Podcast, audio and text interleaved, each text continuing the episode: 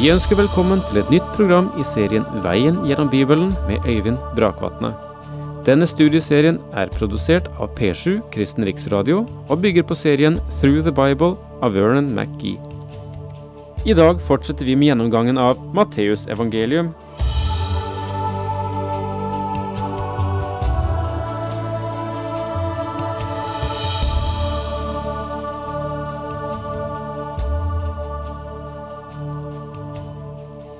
Ja, nå er vi i det siste kapittel i uh, Matteusevangeliet, det 28. kapittel.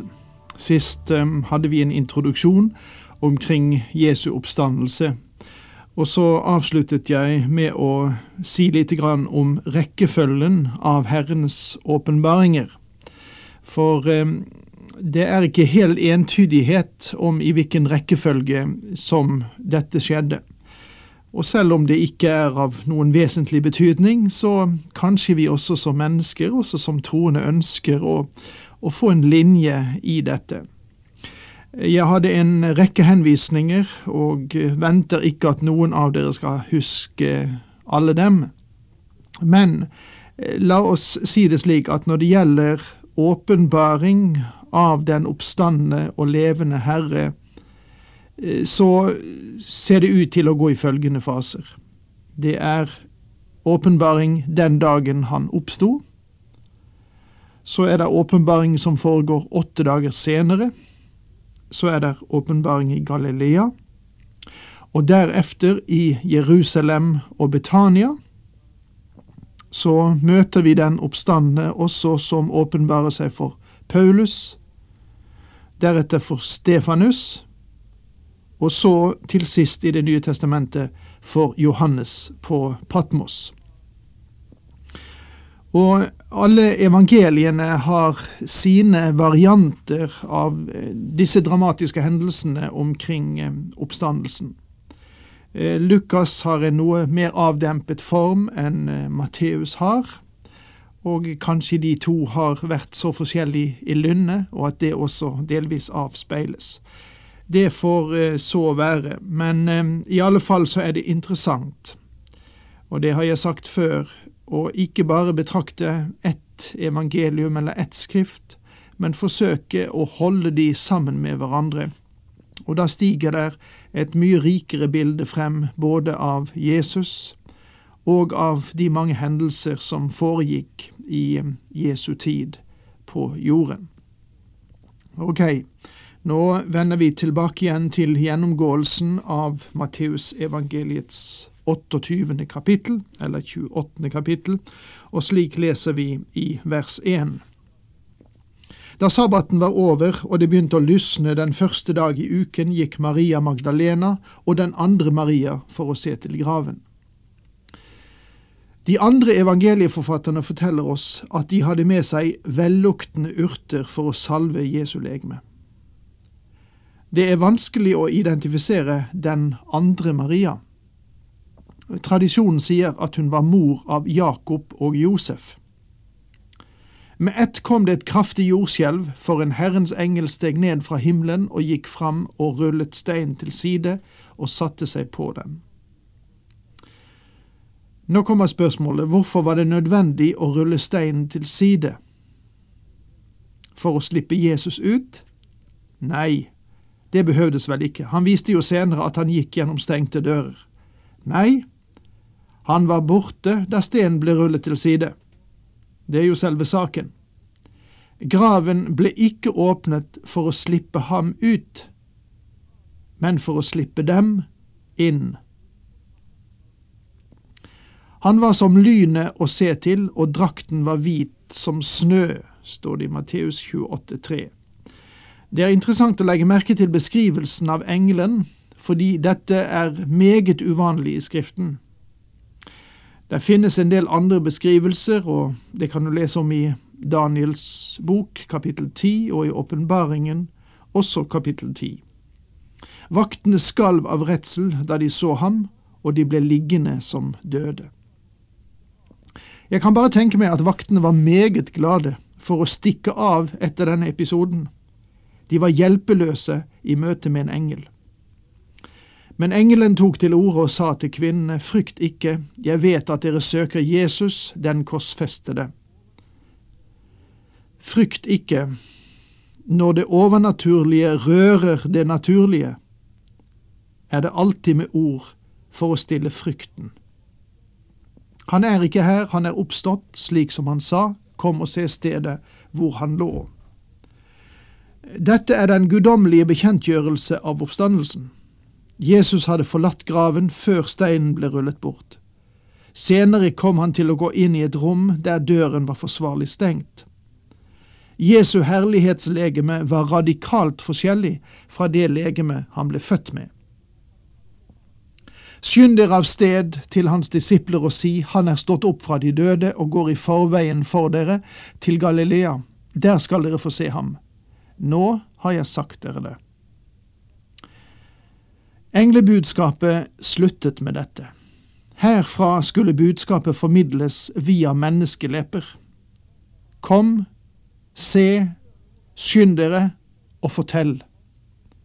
Men før noe menneske forsøker seg på å vitne, må det først ha en fjellsikker overbevisning om oppstandelsens sannhet. Man må ha det avklart i sitt eget sinn at Kristus døde for våre synder og ble gravlagt. Kom og se stedet der Herren lå. Og at Kristus står opp igjen. Han er ikke her, han er stått opp. Og med denne overbevisning kan du skynde deg og fortelle. Mine venner, dere og jeg skal gå, og vi skal fortelle. De skyndte seg da bort til graven med frykt og stor glede og løp for å fortelle det til disiplene. Legg merke til de sammensatte følelsene hos kvinnene frykt og stor glede. Da kom Jesus mot dem og sa, Vær hilset. De gikk fram og omfavnet hans føtter og tilba ham. Dette synes å motsi møtet mellom Maria Magdalena og den oppstandende Herre. I Johannes 20 vers 17 sies det, Jesus sier til henne, Rør meg ikke, for jeg er ennå ikke faret opp til Faderen, men gå til mine brødre og si til dem at jeg farer opp til ham som er min far og far for dere, min Gud og deres Gud. Forklaringen kan være og nå sier jeg kan være, at mellom disse to møter har Jesus vært hos sin far. Ja, mine venner, nå må vi være klar over at her er vi i spenningen, eller i feltet, mellom det legemlige og det ikke-legemlige. Det guddommelige, det åndelige, ikke sant? Altså, forklaringen kan være at mellom disse to møter har Jesus vært hos sin far og presentert sitt dyrebare blod i himmelens aller helligste. Han har signalisert, også for Faderen, at det er fullbrakt, det er gjort, alt er klart. Jesus sa til dem, frykt ikke, gå og si til mine brødre at de skal dra til Galilea, der skal de se meg. Han satte dem altså et stevnemøte i Galilea. Mens kvinnene ennå var på veien, kom noen av vaktene inn til byen og fortalte overpresten alt som var hendt. Disse soldatene som var på post, gikk inn i byen og rapporterte til overprestene. De visste ikke når Jesus hadde forlatt graven. Alt de visste var at etter at steinen var veltet bort, så tok de en titt inn i graven og så at legemet ikke var der og dette hadde nesten skremt livet av dem. De kunne ha blitt henrettet for å la Jesu legeme forsvinne rett for øynene på seg. Overprestene og de eldste kom der sammen, og de ble enige om hva de skulle gjøre. De ga soldatene mange penger og sa, dere skal si at disiplene hans kom om natten og stjal ham mens dere sov. Ja, dette er ikke noen særlig sannsynlig forklaring. Tenk deg en soldat, særlig en romersk soldat, utsendt som vakt med plikt til å bevokte en bestemt ting og hindre enhver overtredelse. Sett nå at noen kom og tok det som han var satt til å vokte. Sett nå at hans forklaring for ansvarshavende offiser var Beklager, jeg sovnet. Hva tror du ville skje med ham? Ja, selvfølgelig, han ville bli henrettet. Skulle landshøvdingen få høre, skal vi snakke med ham så dere kan være trygge. Med andre ord, vær ikke redd, selv om dette kommer lederne for øre. Vi vil forhindre at dere blir stående overfor eh, eksekusjonspelotongen. De tok imot pengene og gjorde som de fikk beskjed om, og dette ryktet spredte seg blant jødene og har holdt seg til denne dag. En bestikkelse var en god hjelp for å få dem til å bekrefte denne stusslige unnskyldningen. Dette var det første århundrets alibi for å forsøke å bortforklare Kristi oppstandelse.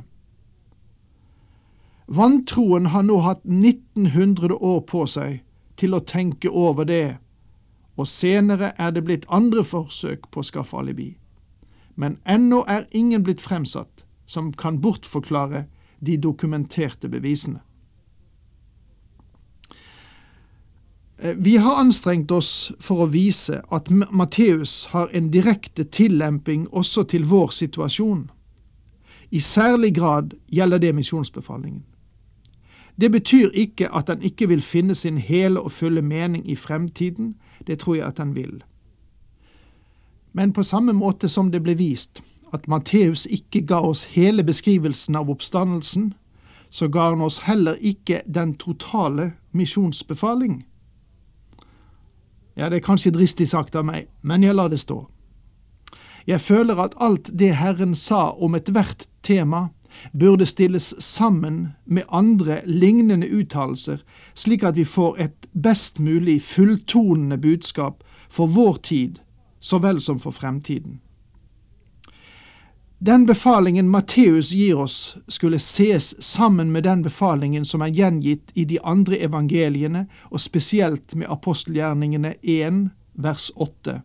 Men dere skal få kraft når Den hellige ånd kommer over dere, og dere skal være mine vitner i Jerusalem og hele Judea, i Samaria og like til jordens ender. Vi skal være hans vitner, og vi skal bli utrustet med kraft fra det høye. Men de elleve disiplene dro til det fjellet i Galilea hvor Jesus hadde satt dem stevne, og da de fikk se ham, falt de ned og tilba ham, men noen tvilte. Noen tilba, og noen tvilte. Slik har det vært i 19 århundrer. Hvilken kategori kan du og jeg rubriseres under? Da trådte Jesus fram og talte til dem, meg er gitt all makt i himmel og på jord. Og nå merker dere, han talte som kongen. Gå derfor ut og gjør alle folkeslag til disipler, idet dere døper dem til Faderens og Sønnens og Den hellige ånds navn. Jeg har full tillit til at dette også vil skje under den store trengsel og selv under tusenårsriket. Men det må også skje fyldest i vår egen tid. Idet dere døper dem til Faderens og Sønnens og Den hellige ånds navn.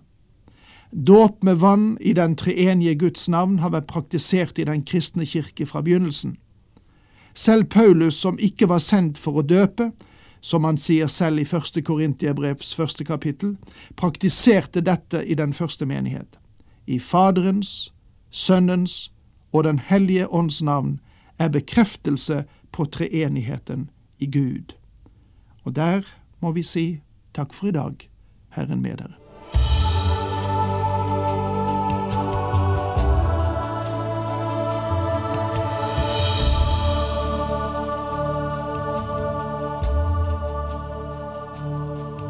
Du hørte Øyvind Brakvatne i studieserien Veien gjennom Bibelen. Serien bygger på et manus av Vern McGee. Har du spørsmål eller kommentarer til programmet, kan du sende en e-post til vgb krøllalfa p7.no. Takk for i dag, og på gjenhør.